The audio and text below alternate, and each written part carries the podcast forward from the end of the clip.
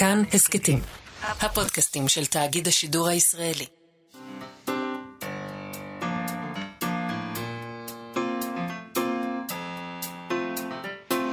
מה שכרוך עם יובל אביבי ומה יעשה לה. שלום, צהריים טובים. אנחנו, מה שכרוך, מגזין הספרות היומי בכאן תרבות, מאיה סלע ויובל אביבי, 104.9, גם 105.3, FM, ובאתר, ובאפליקציה, ובספוטיפיי, ומה של... כל, כל מה שאתם רוצים יש לכם. על הירח, שומעים על, אותנו? בטח, mm. בטח, הם שומעים הכל. אז זה בסדר. צריך להיזהר, אי אפשר לדעת מי שומע על הירח גם. באיראן שומעים אותנו? בטוח, הם עוקבים... אני אוהבת אתכם. אל תפגעו בי. We will never bomb you. אמ, אולי, אולי. אה, איתנו אבי שמאי ומיכאל אולשוונג שעושים איתנו את התוכנית, ושלום מאיה. שלום לך יובל. אז ככה, היום אנחנו נדבר עם פרופסור זוהר שביט מאוניברסיטת תל אביב על עוד ספר ילדים שכדאי להוסיף למדף ספרי ילדים, אה, מדף ספרי ילדים מהחלומות. אה, השאלה אם הספרים מהחלומות או הילדים מהחלומות. התכנים לפעמים מהסיוטים. לא, אבל הילדים עצמם, הילדים הקוראים, תלוי בילד. כן. אה, אוקיי, אנחנו בונים אותו כאן בעזרתה. אה, אנחנו נמצאים עכשיו באמצע הסדרה שלה, של אה, סיפורי יתומות. בשבוע שעבר דיברנו על בילבי, היום אנחנו נדבר על פוליאנה, על טוב ליבה, בלתי מתפשר. נשאל האם זה קיץ' כל הדבר הזה. אה, כשהכול לטובה וכל הדבר הזה, הכל לטובה הרי זה משפט מעצבן, נכון? את חושבת שזה ספר לבנות? סליחה על השאלה. אמ, כי אני לא זוכר, hmm. אני זוכר שקראתי לא את הספר, קראתי את הספר בתור ילד. כן. אני לא ממש זוכר, כאילו מה, לא, לא השאיר בי חותם, נאמר זאת כך. הבנתי. שאלה טובה, בוא נשאל את המומחית, נשאל את זוהר. רעיון מצוין. אני לא יודעת לענות על זה. אני כמובן מאוד אהבתי אותו, אבל... כי נגיד את בילבי, זה ללא ספק לפי דעתי לא ספר לבנות. אבל פוליאנה כאילו עושה פחות תעלולים וכל הדבר הזה, אז אולי... נגיד, אה, כל אנ מאבנלי וכל זה, זה לגמרי של בנות. למה? אני שואל, אני שואל, אה, אתה שואל. נגיד. תראה, אני, אני באופן עקרוני, הנטייה שלי לומר לא, כי הנטייה שלי לומר שאין דבר כזה. כלומר, היכולת של, שלך להזדהות עם ספר, גם שהגיבורה בו היא, היא נקבה, mm-hmm. לא אמורה, זה לא אמור להגביל אותך. והנה, עם בילבי אני נכון. יכול, אני מצליח. אז אוקיי, אבל בוא נשאל את אה, כן, זוהר שביט, שהיא באמת אותה. המומחית בעניין הזה, נשאל אותה אם זה קיט, שנדבר קצת גם על תרגום, כי מסתבר שפוליאנה תורגם המון. המון פעמים. אז כן. uh, נשאל את ה... איך, למה צריך לתרגם הרבה, האם צריך לתרגם הרבה, uh, איך תרגמו פעם לעומת איך שמתרגמים היום, קצת ניגע בזה. נדבר גם עם מירה... מירה רשתי, מחנות הספרים סיפור פשוט, על הפרויקט שלהם לכבוד uh, פסטיבל האיור. הם מקימים uh, לחיים, ולא בפעם הראשונה, את הספרייה של עגנון מסיפור פשוט. Uh, נשמע מה זה, ממה עשויה הספרייה הזאת, איך הם עושים את זה. אבל נתחיל עם הצרפתים. אתה יודע, יובל, יש לי ספר כזה ישן, שאני חושבת שפעם דיברנו עליו כאן בתוכנית. זה ספר שנקרא "הככל האדם האנגלים". כן, זכור, הזכרנו אותו לא מזמן. נכון. אז uh, נראה לי שאפשר בהחלט לכתוב גם ספר תחת הכותרת "הככל האדם הצרפתים". אולי אפשר להגיד "הככל האדם האדם". לא, לא, לא. לא, הם סוג אחר, האנגלים זה, זה משהו... מין אחר, כן. אוקיי. Uh, באמת, uh, את קוראת, את יושבת לך וקוראת את הכתבה הזאת בניו יורק טיימס שאנחנו נביא עכשיו, uh, ושואלת את עצמך, אה, מה יש לצרפתים? מה הקטע של האומה הגדולה הזאת שהביאה לנו באמת מכל טוב הארץ והאנושות? ובכל זאת יש דברים שהיא לא מבינה, או לחילופין, אנחנו לא מבינים אולי. או אולי, שכולם מבינים ולהם לא אכפת פשוט. אולי פעם נראיין צרפתי ונבין, אדם צרפתי. אבל okay. אוקיי. בצרפתית, כדי שנבין אותו ממש טוב. בניו יורק טיימס מדווחים על האופן שבו מתבצעת חלוקת הפרסים הספרותיים שם, בצרפת הרחוקה, והם מביאים כדוגמה את פרס רנודו היוקרתי ביותר, הפרס שיכול לשנות חיים של סופר באמת, להקפיץ לו את הקריירה בן לילה. להפוך את הספר שלו לרב מכר, ובוא נגיד, אפשר לטנף על הצרפתים כמה שרוצים, אבל לפחות אצלם הספרות אה, זה עניין חשוב. כן. ואת זה אפשר אה. לזכותם. לזכותם ייאמר, אבל מדהים לקרוא איך עניין פרס, הפרס הזה. כדוגמה לכנראה עוד פרסים, איך הפרס הזה מתנהל? קודם כל, השופטים בוועדת הפרס, מסתבר שמדובר במינוי לכל החיים, יובל. כן. יש שופטים שיושבים בוועדה 20 שנה, למשל. אין להם שם את השטויות האלה, כמו שיש לנו פה, של טופס גילוי נאות. אה, הם נותנים פרסים לחברים שלהם בקלות יתרה, זה בכלל לא נראה להם מוזר. אה, אני מניחה שהם גם צוחקים על העניין הזה של גילוי נאות, כי, כי אתה יודע, גילוי נאות ולא לתת פרס לאישה שהיה לך רומן איתה, או לגבר שהיה לך רומן איתו. זה מתאים לעולם החדש והמתואר האמריקאי הזה של הליברלים הנודניקים.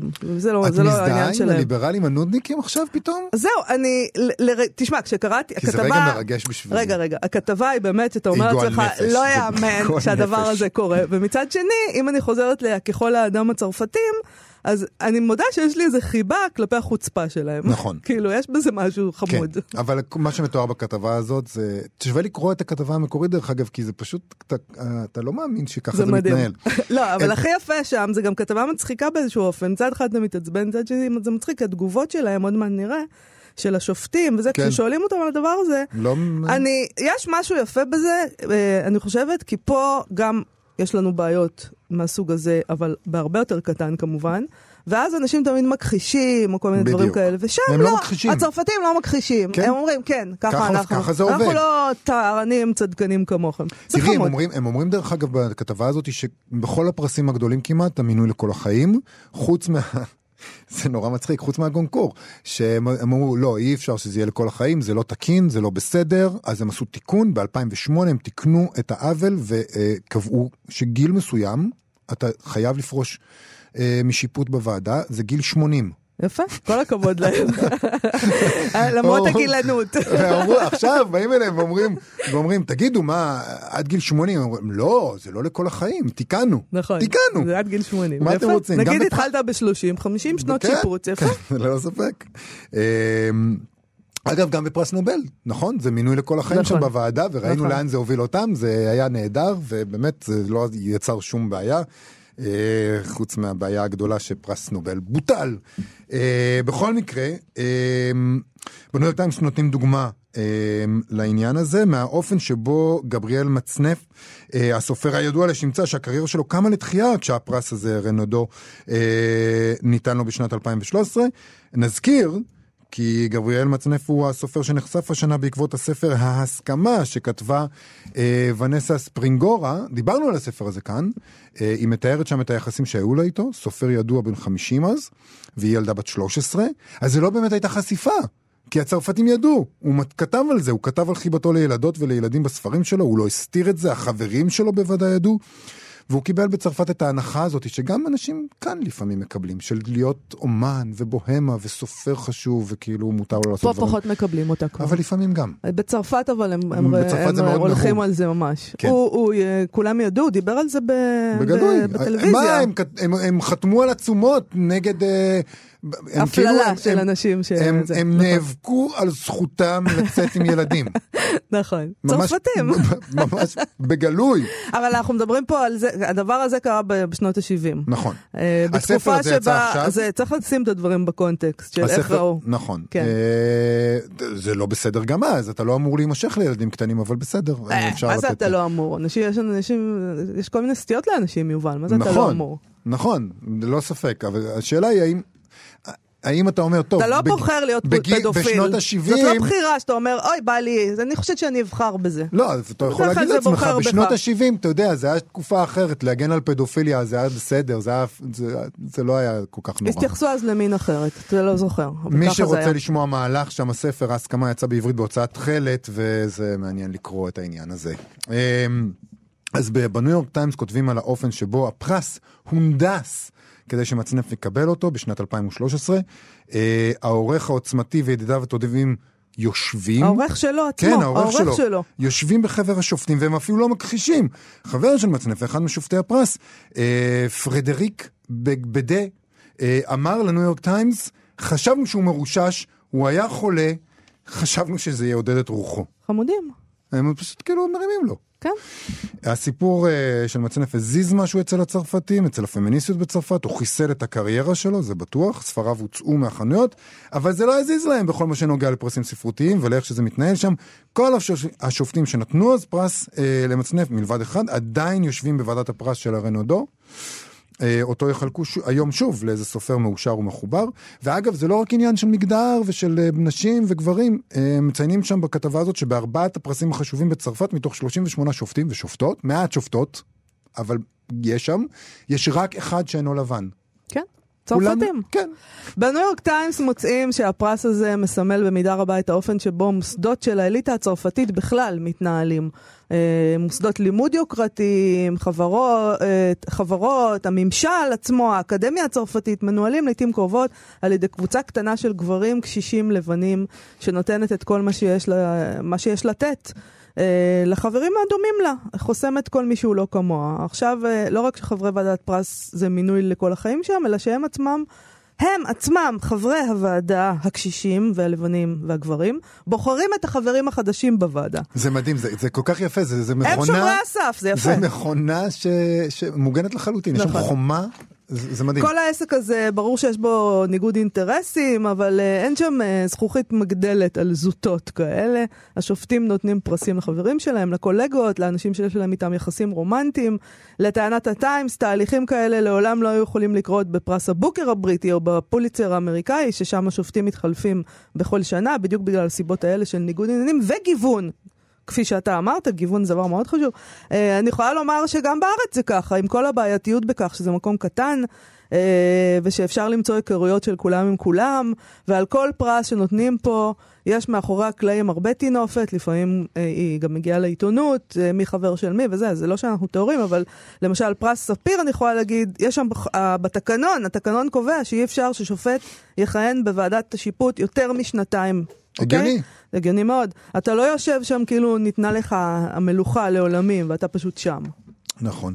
Uh, טוב, אז הנה התגובות החמודות האלה שהזכרת מקודם. Uh, השופט uh, בגבדה, שעליו uh, דיברנו קודם, uh, הוא uh, דיבר על כך, uh, בתגובה לדברים האלה, uh, אומר... Uh, שזה, הדיבור על שינוי האופן ועל תיקון, זה מייצג השפעות אמריקאיות ותשוקה לתואר ושלמות. שכמובן הוא, הוא בז לזה, כן? כן. הוא מדבר על זה, זה הוא מה שה... אומר, תפסיקו עם הפוליטיקת זהויות שלכם. תפסיקו עם השטויות שלכם, של תפסיקו עם, האמריקאים. זה, עם ה political correct ועם כל השטויות, אנחנו, אתם, זה סתם. נכון.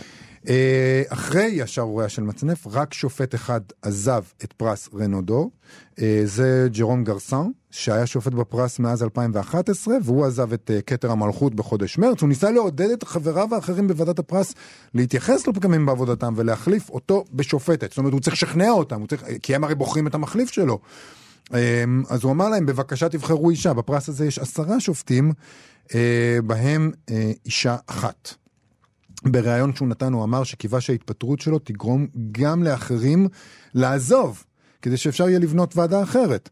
אמרתי לעצמי, הוא אמר, לפחות בצוות השופטים שלנו זה יגרום למודעות, לוויכוחים, לזה שנשאל שאלות, ואז שום דבר לא קרה. זה מה שהוא אומר. כנראה שבאמת שום דבר לא קרה. אה, שישה מתוך תשעת השופטים המכהנים כעת הסכימו להתראיין, שהסכימו להתראיין לטיימס, לניו יורק טיימס אמרו שהם בהחלט מקווים לגייס לוועדה אישה שופטת, אבל איש מהם לא דיבר על שינויים גדולים יותר מזה, זאת אומרת, נגיד שוויון, 50-50 או כזה. שיתפטרו כולם ויחליפו את השופטים? כן. זה של- השינוי או, או, שצריך. או שלא יהיה מינוי לכל החיים, לא דיברו על זה. הסקנדל לא יצר שם דיון... סקנדל של מצנף, כן, כאילו. הסקנדל של מצף לא יצר שם דיונים מיוחדים. אה, ז'אן נואל פנקרזי, שהוא שופט שם משנת 99, יותר מ-20 שנה, אמר, בכנות, אני חושב שלא. אנחנו לא צריכים רפורמה. אנחנו לא צריכים הוא פשוט רפורמה. מדבר בכנות, כן? עכשיו, זה, אה, בשביל זה אני מתה על הצרפתים. כן, הוא פשוט לא מבין מה הבעיה, תעזבו אותנו. הדבר הזה לא מפתיע אנשים ונשים בעולם הספרות הצרפתי או בעולם הפוליטי שלהם. פרנסואז ניסן, אה, שהיא אה, אה, ראש הצעת אקט סוד, שהייתה גם שרת התרבות, אמרה פעם, זאת מדינה שקשה לה מאוד לקבל שינויים במוסדות שלה. אנשים מגינים על עצמם מפני שינוי. אה, ופרנסואה בונל, שהוא מנחה תוכנית אה, ספרות טלוויזיונית חשובה, שמשווה את חברי שופטי הפרס למאפיה האיטלקית. הוא אמר, זה הגומורה, בעיקר הרנודו. יפה. תשמע, הם מתארים שם בכתבה הזאת מי ערך את מי, מי הוציא את מי, מי שכב עם מי, איך כל אחד קיבל פרס לפי הדבר הזה. באמת דברים מטורפים, וזה כיף אה, לקרוא את זה, כי פתאום זה נותן לנו להרגיש כל כך נקיים, ממש נקיי. כפיים פה, אנחנו לא מגיעים לרמה הזאת. תקשיבי, זה ממש- שחיתות מה שהם מתארים שם, הם מתארים שם איך הם, שילמו כסף, אנשי הפרס, לאורחים, אמרו להם, ניתן להם חוזה אה, לספר ודברים כאלה, כדי לא, שתבחרו מה טעים, נכון. שם איזה אחד מהשופטים שנותן פרס לספרים של גלימר, ואז גלימר הוציאו ספר שלו, ספר שלו שמכר 180 עותקים, כי הם בחיים לא היו מוציאים ספר כזה זה, אבל אה, אתה יודע. תשמע, אני לא יודע אם נקיי כפיים זה מה שמגדיר אותנו כאן. כי, כי זה מאוד קל להיות נקי כפיים כשאין לך כלום. זאת אומרת, מי מושחת? זה שיש לו גישה לתקציבים ולהשפעה. עולם הספרות כאן, אין לנו את הכסף הזה, אין לנו את בוא המסורת נודה, אנחנו הספרותית. מציעים להיות מושחתים. הלוואי. הלוואי לא שהיינו יכולים. נבחנו, לא נבחנו לא באמת. עמדנו זהו, זה לא במבחן עמדנו הזה, עוד במבחן לא האמיתי. קיבלנו אף מטפה עם כסף, בדיוק. וביקשנו לכתוב ביקורת טובה. בדיוק, אם מישהו היה מציע, אז היינו, והיינו אומרים, "אה, חבר, לא, אני את הפרס הזה לא נותן לחברים שלי, אז היינו יכולים להגיד, אנחנו באמת טהורים יותר, אנחנו טובים יותר. אף אחד לא בדק אותנו. אנחנו עדיין יכולים ל- להגיד את זה ולרחוץ כן. בניקיון כפינו. אני חייבת להגיד שבאמת זו כתבה מדהימה, אבל היא גורמת לי באיזשהו אופן מעוות אולי, אה, קצת לחבב עוד יותר את הצרפתים. כאילו, הם פשוט עזות המצח שלהם, חמודה. אני, אני, אני באמת ממליץ למאזינים ללכת לניו יורק טיימס ולקרוא את הכתבה ולראות איזה גועל נפש מתחולל שם, כדי לגלות מה גורם לך קורת רוח. פינת ספרי הילדים שלנו, המדף של זוהר. שבו, שבה אנחנו בונים ביחד עם פרופסור זוהר שביט מאוניברסיטת תל אביב את מדף אה, הספרים המושלם לילדים ולילדות. בשבוע שעבר פתחנו בסדרה של יתומות עם בילבי, והיום אנחנו ממשיכים עם פוליאנה. שלום לפרופסור זוהר שביט. שלום, שלום. אז איך זה בעצם, את, את חוזרת אה, לקרוא ספרי ילדים? זאת אומרת, את תמיד עסוקה כן, בכך, אוי, אבל... זה כיף, תשמעי. את יודעת, יש משהו כל כך נקי בספרי ילדים, לעומת ספרי מבוגרים, שזה זה ממש תענוג לחזור, בעיקר בגלל שאני חוזרת לספרים שמאוד אהבתי בילדותי. לא רק אליהם, כי גם אחרי זה נכתבו ספרים נהדרים, אבל יש בזה כיף אדיר. אבל תגידו, מה דעתכם על המשפט הבא? אני שמחה, אפרופו הסליחה שלכם. כן. קודם, אני שמחה שלא קיבלתי את הפרס, כי בגלל זה אני לא צריכה להכין נאום. או אני כל כך שמחה על הקורונה, כי בזכותה אני יכולה לשבת כל הזמן בבית ולקרוא ספרים, או כי בזכות הזום אני לא צריכה לצאת מהבית כשחם או קר. זה נשמע לי- משפט פוליאני כזה. פוליאני. נשמע לי בדיוק, רמייה עצמית האמת. מישהו מה אתה רמייה אומר, עצמית. רמייה עצמית לדעתי. לא הבנתי. רמייה עצמית. אתה אה, משכנע את רביעייה עצמך. טוב, שטוב אנחנו כשרע. תכף ניגע בזה. כן. לא, זה גם לא יפתיע אותנו לגלות שליובל אין גישה סופר חיובית לחיים. אני? אני?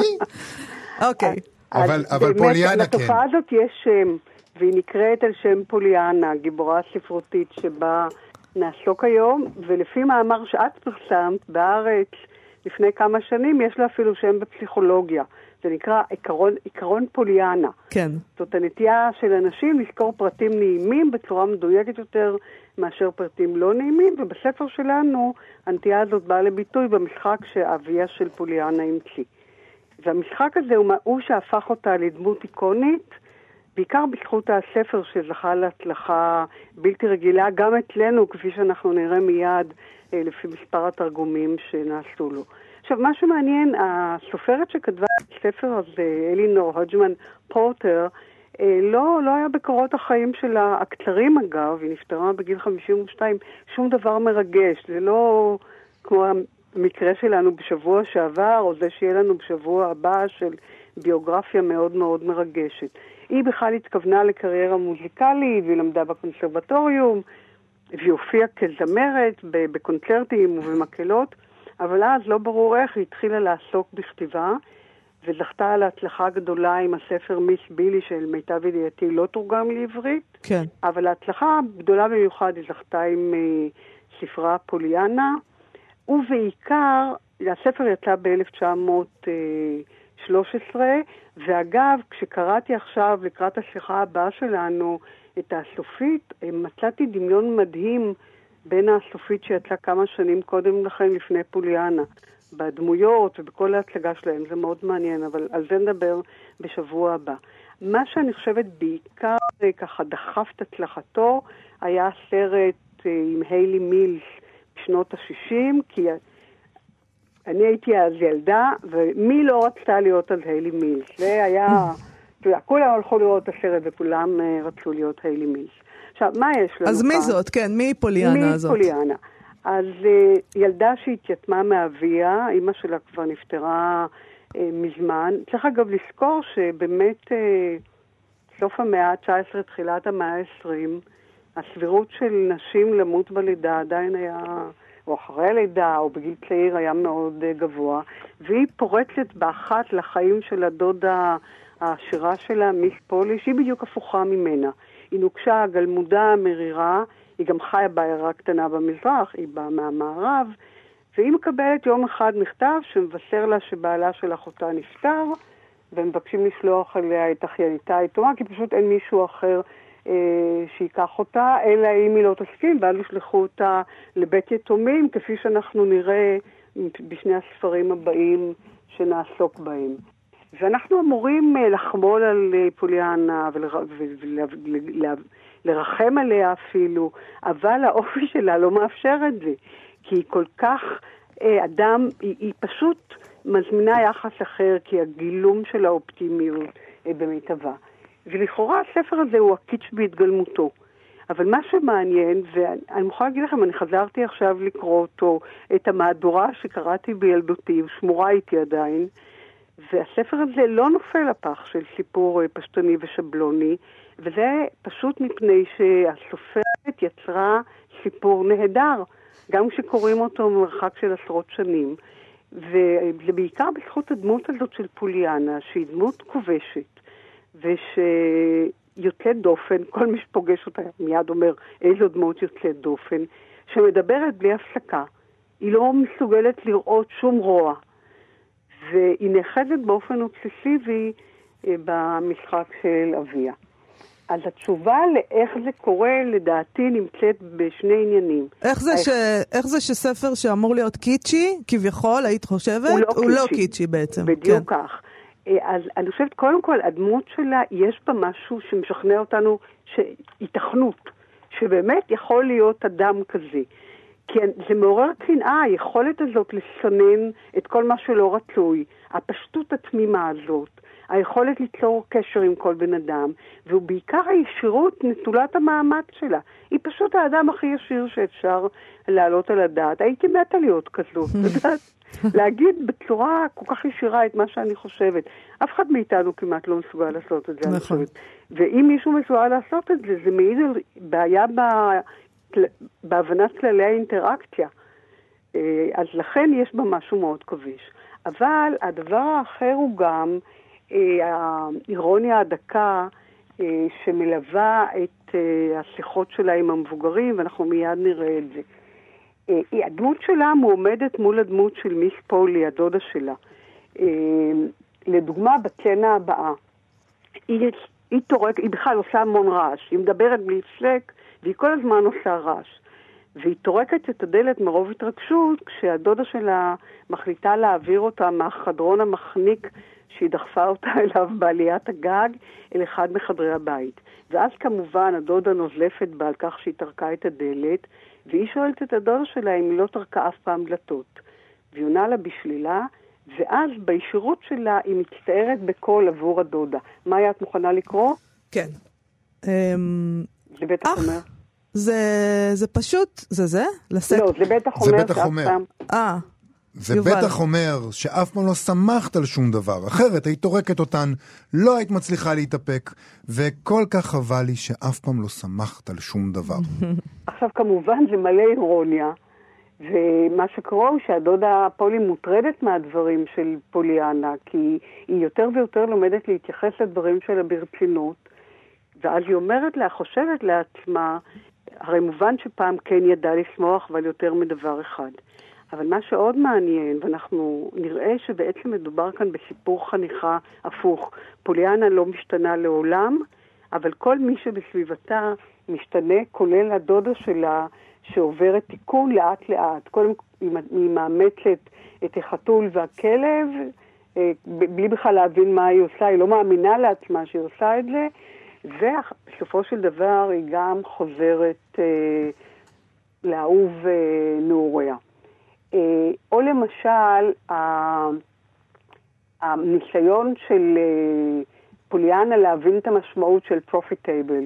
בעברית זה תורגם כנושא פרי. אני לא כן. יודעת אם זה התרגום המתאים, אבל המש... הדיאלוג ביניהם הוא מלא אירוניה.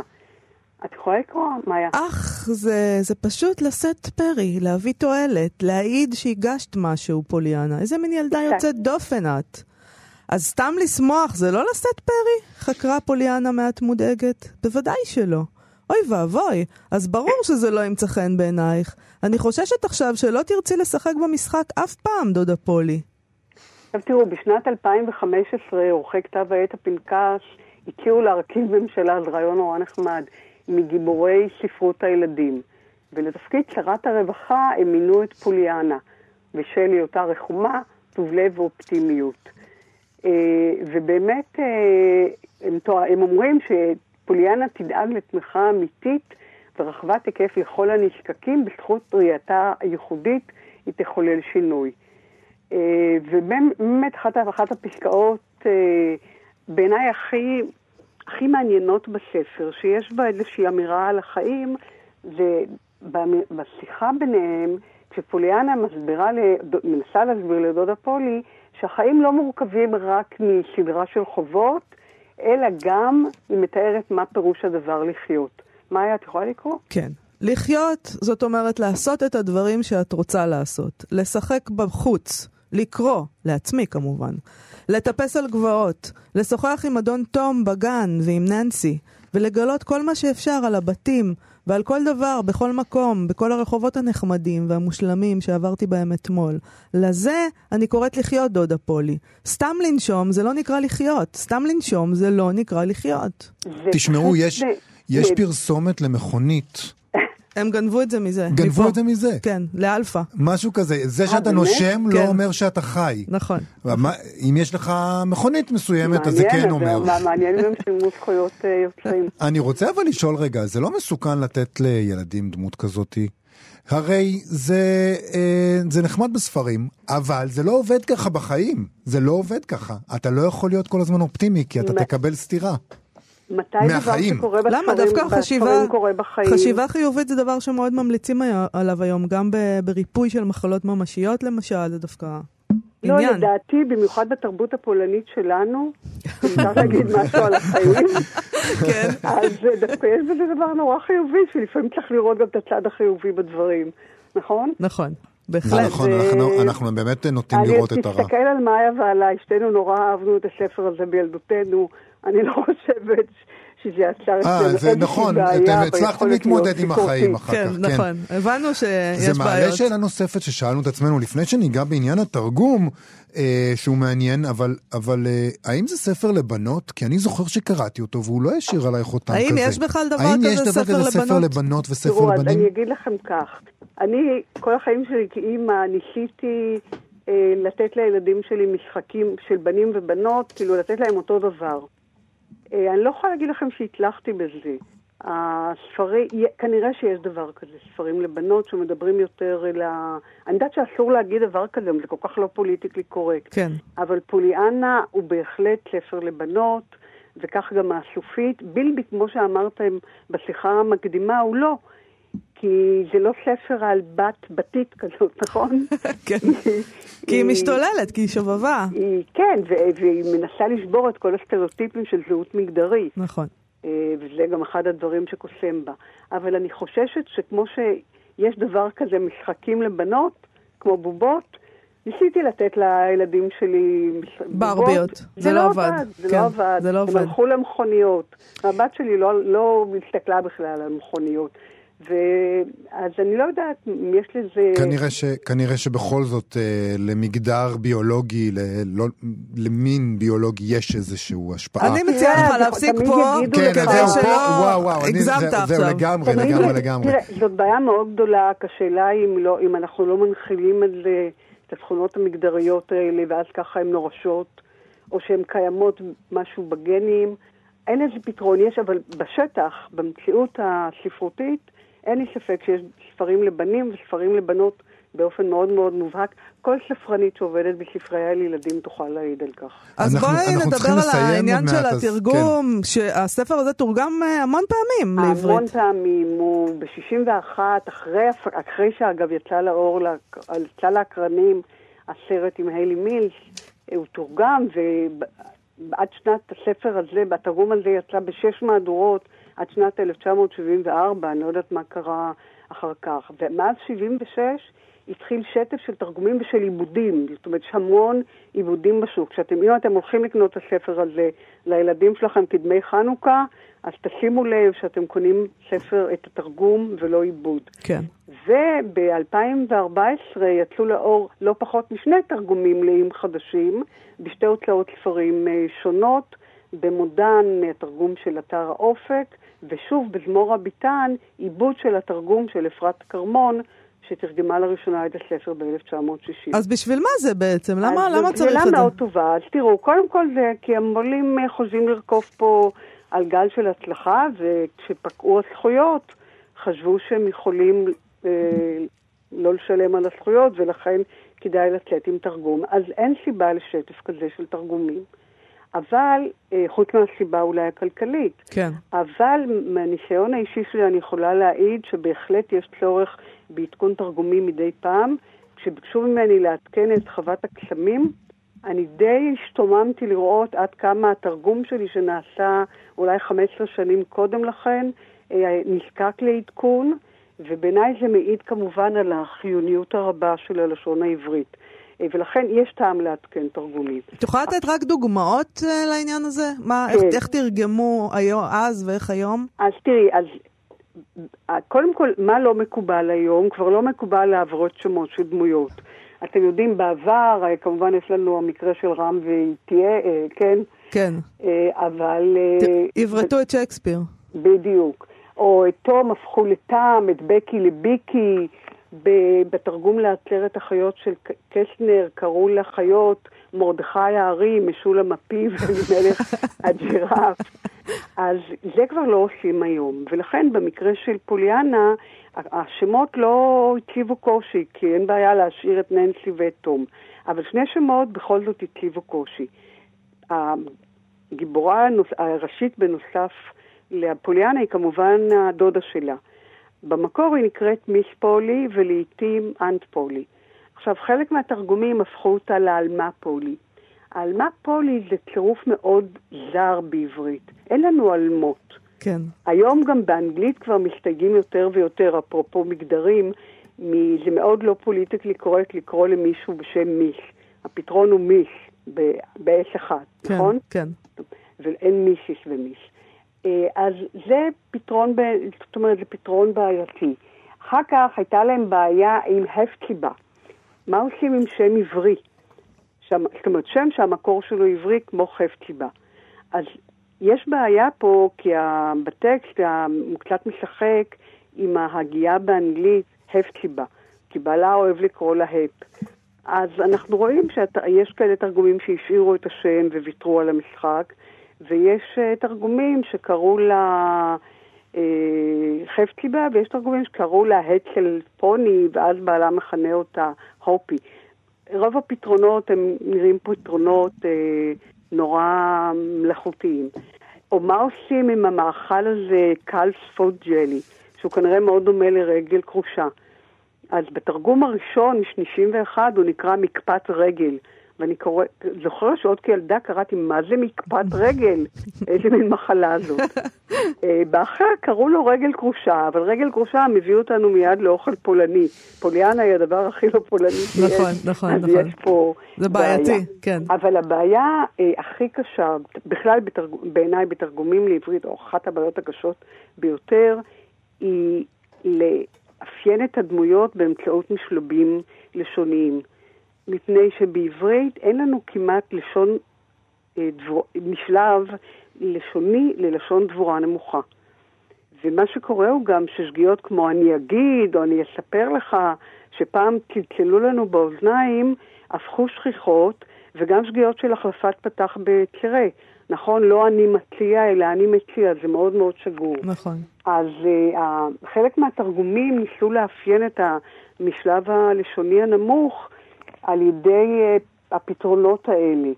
וזה זה, זה, זה בסדר, כי באמת להגיד, אני אגיד אותך למורה, אה, זה, זה נמוך, אבל כמה זה נמוך? שקורא, הילד שקורא היום לא, לא מבין שזה נמוך, הוא לא מבין שזה אה, שגיאה. אני חוששת כך, כן. כן. בעיה. או שהם יצ... חלק מהתרגומים יצרו חיבור שזה דווקא כן קיים מאוד בלשון הדבורה, אה, כמו בכל, במקום בכל אופן, בכל אופן, או זאתי, או משהו, נכון? כן. משהו מ' ש' ו'. אז זה פתרון יותר אלגנטי אה, בימינו זה יותר כנראה. אלגנטי. מה שמאוד לא אלגנטי זה אימוץ צורות מן האנגלית, כמו מה אכפת לי, או מעניין, או, כאילו, לנסות למצוא, לעיין. אותי, לא מעניין אותי. זה, כן. זה פתרון לא במיוחד אלגנטי, וזאת באמת כל אחד מאיתנו שתרגם נתקל שוב ושוב בבעיות האלה. פרופסור זוהר שביט, אנחנו נאלצים לסיים.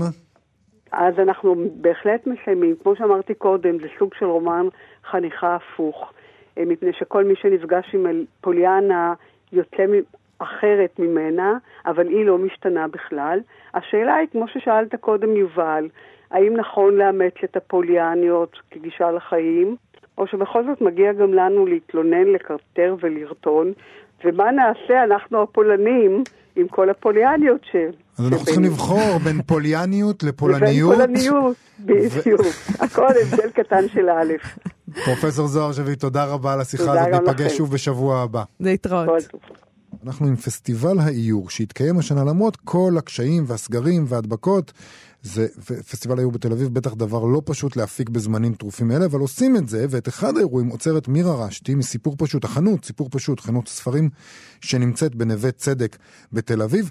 אומנים מתחומים שונים משחזרים את החנות הגליציאנית מסיפור פשוט של שי עגנון. זה לא הפעם הראשונה, זה כבר מנהג. שלום מירה רשתי. שלום, שלום, בוקר טוב. בוקר אור. תארי לנו את החנות הזאת הגליציאנית, שאתם משחזרים. אנחנו בעצם, בגלל באמת המצב, כמו שיובל הקדים להגיד, אז אנחנו החלטנו שהפעם, הפעם כי זאת הפעם שישית בעצם שאנחנו משתתפים בשבוע האיור, עם אותה בקשה שאנחנו בעצם כל פעם פונים למאיירים ואמנים ל... להציג את האיורים שלהם ואת הפרשנות האיורית שלהם ל... ל... לסיפור פשוט של שי עגנון בעצם. כן. והפעם, בגלל שלא ידענו בדיוק מתי ייפתח, איך ייפתח, החלטנו בעצם לייצר במשך, ובגלל שנפתח לחודשיים, למשך חודשיים הפסטיבל הזה, אז בעצם הזמנו אה, אמנים אה, ומאיירים להגיב לטקסטים. אנחנו בחרנו טקסטים מתוך הסיפור של שי עגנון, טקסטים שמתעסקים במוצרים ובחנות אה, אה, שנסחרה בסיפור הפשוט של עגנון. אה, ובעצם המוצרים שם, אנחנו מזכירים בציטוטים שבחרנו, בעצם מוזכרים הנפט, הגפורים, הטבק, מערכות היחסים בין הגיבורים לבין, ה, בין, לבין הלקוחות, ו, ובעצם מה שיקרה זה שבעקבות זה, הסחורות, השקילות שהיו נו- נוהגים בחנות הגליציאנית, המאיירים יגיבו לטקסטים וייצרו גם חפצים וגם איורים. עכשיו, התערוכה נפתחה ב-26, ובעצם הם התחילו את העבודה, והמוצרים הראשונים יוצגו אה, בזום באמצע החודש, ולקראת סוף החודש בעצם נעשה שוק, שוק של מאיירים, שאנחנו עוד, עוד פעם, בהתאם למצב נדע איך להציג את הסחורות אה, שהם ייצרו, אבל אנחנו אה, נעשה את זה בעצם בחלל החנות ה... חנות הספרים, החנות וואו, זה. כל כך מסובך עם המצב הזה, שאת בעצם, יש לך איזה מין תוכנית, אבל את לא יכולה לדעת מה יהיה המצב, את אז צריכה להתכונן לכל פשוט אפשרות מטורף כזאת. הדבר הזה. נכון, אבל זה איך שאנחנו חיים כבר הרבה מאוד חודשים. זאת אומרת, הגמישות הזאת, אני חושבת שהיא סממן של התקופה, ולא רצינו לוותר, כי, כי כמו שאני אמרתי, זה, זה באמת אה, כבר מסורת, מסורת שבעצם כל אה, שנה אנחנו מזמינים מאייר או מאיירת לתת את הפרשנות החזותית שלהם לסיפור של עגנון, ואני אני פתאום הרגשתי בעצם שאם בעבר ה... הגיבורים היו אה, אה, הירשל ומינה וסיפור האהבה והטירוף, הפעם פשוט החנות היא הגיבורה. כי כל בין- המחשבה הזאת על חנות פתוחה זה משהו שמפעים אותנו כרגע. אה, נכון, גם, גם, גם עושים אותנו נכון, וגם את, ה, גם את, ה, את, את האנשים, זאת אומרת, בגלל שאנחנו חנות רח- רחוב, אנחנו מרגישים כל פעם עם הסגרים, אה, אה, בדינמיות של הסגרים, אנחנו מרגישים את, ה, את הצורך הזה של האנשים להיכנס, פתאום דברים שהיו שנים, ואנחנו חנות ותיקה, אנחנו נמצאים הרבה מאוד שנים במקום הזה, פתאום אנשים מגלים דברים שקיימים פה הרבה מאוד זמן. אבל גם כנראה בגלל שיש יותר פנאי וקשב אה, אה, אישי, למרות כל הצרות, אה, ההליכה ברחוב היא אחרת, אה, אני חושבת. אז. אז, אז בעצם חנויות, חנויות הרחוב, כמו שקוראים לזה, מהסוג שלך, הן בעצם יוצאות נשכרות מכל המצב הזה, שאנשים מגלים מחדש את העסק הזה? אמ, אני לא יודעת, את יודעת, אה, קשה להגיד עכשיו, כל הזמן שואלים אותי גם הרבה שאלות, אז אנשים קוראים יותר, קוראים פחות. אמ, אני, אני חושבת שהם מגלים את האיטיות, מגלים את, ה, את ההתבוננות. אה, זה, זה, זה זמנים אחרים.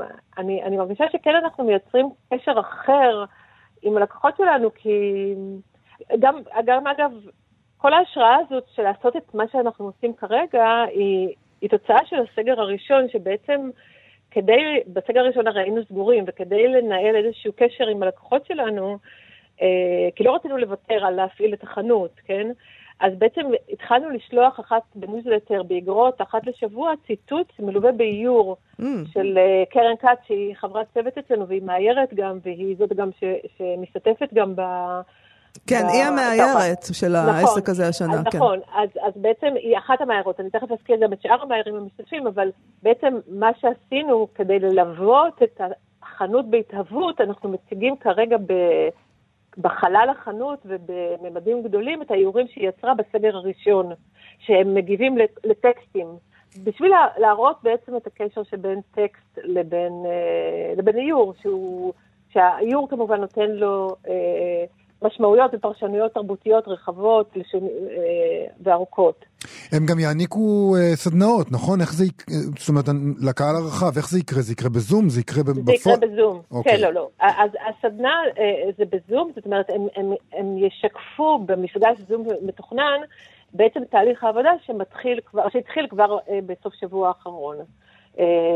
ואני מקווה, אנחנו כן נדאג שנוח, שניתן איזשהו ביטוי uh, uh, מציאותי ופיזי למוצרים שהם ייצרו, אה, בסוף התהליך, אני עוד לא יכולה להגיד בדיוק את היום המדויק, אבל בסוף התהליך, ו, וכל ההכנסות כמובן ילכו ישירות לאמנים, שזה גם נושא מאוד חשוב כרגע, כדי לתת לאומנות ולתרבות להמשיך וללבלב. אה, אז אני אמליץ אה, למאזינים שמעוניינים בכך פשוט להיכנס לפייסבוק של סיפור פשוט. או של פסטיבל האיור, כדי להבין בדיוק מתי כל דבר קורה ואיך. מירה רשתי, תודה רבה לך על השיחה הזאת. תודה רבה לכם. להתראות. ביי ביי. אה, יש לנו זמן או ש... אוקיי, אז יש לנו, לסיום נעשה פינת גנזים. בחודש כן. שעבר, אה, לכבוד יום הולדתו ה-140 של זאב ז'בוטינסקי, אה, העלו מארכיון גנזים של אגודת הסופרים מכתב ששלח לידידו העורך שמואל פרלמן, מכתב שמאחוריו פרשת מערכת היחסים בין ז'בוטינסקי וחיים נחמן ביאליק. שהחלה כידידות והערצה והסתיימה בריב יובל. בוא תקרא. זה מכתב uh, מקסים. מקסים. קצר מאוד. ז'בוטינסקי העריץ את ביאליק כמשורר, הוא תרגם לרוסית ב-1905 את בעיר ההרגה, uh, שנכתב על פרוט קישינב, וכינה את ביאליק אחי הבכור ברוח רב כישוף. ובהמשך, uh, בשנות ה-20, של המאה הקודמת נוצר קרע ביניהם על רקע תמיכתו של ביאליק במדיניות ההבלגה של המנהיגות הציונית מול הבריטים, שז'בוטינסקי כמובן התנגד לה אה, בחריפות. וב-1926 קבע ביאליק, בא הקץ לידידותנו, ליבי מר מאוד על הפירוד. עכשיו, את המכתב הזה שאנחנו עומדים להקריא, פנינה, כמו שאמרת, מאוצרות גנזים, אפשר כנראה להבין על רקע התנגדותו של ז'בוטינסקי לקו המדיני החלש והצמחוני אה, לדעתו. הניסוח אה, הוא בלשון... איך לומר בעדינות, בוטה ונחרצת, וככה זה אה, אה, הולך. לשון המכתב מהחמישה בינואר 1923, שכותב אה, ז'בוטינסקי. אני כותב כעת מאמר על דבר ביאליק בעברית, אבל הרי הוא מאמר במגמה, ודווקא מגמה מיליטר... מיליטרליסטית, נגד הצמחוניות ונגד בעלי אשך אחד. אינני יודע אם כותבים אשך באלף, או בעין, הוא כותב בעין. אולם כוונתי להזכיר אותך את הפקודה הרוסית שנתפרסמה בימי נעוריי, לא לקבל לשירות צבאי יהודים בעלי ביצה אחת. זה מה שז'בוטינסקי חשב על ביאליק בעקבות הצמחונות שלו. אני מתה על ז'בוטינסקי. הוא לא בחל במילים. זה- זמננו לסיים. זה נהדר לראות איך הם הרשו לעצמם להתבטא, לא? נכון. אה, בואו נודה למיכאל אולשוונג ואבי שמאי שעשו איתנו היום את התוכנית. אתם מוזמנים ומוזמנות לעמוד הפייסבוק שלנו ולעמוד הפייסבוק של כאן תרבות. להתראות. להתראות.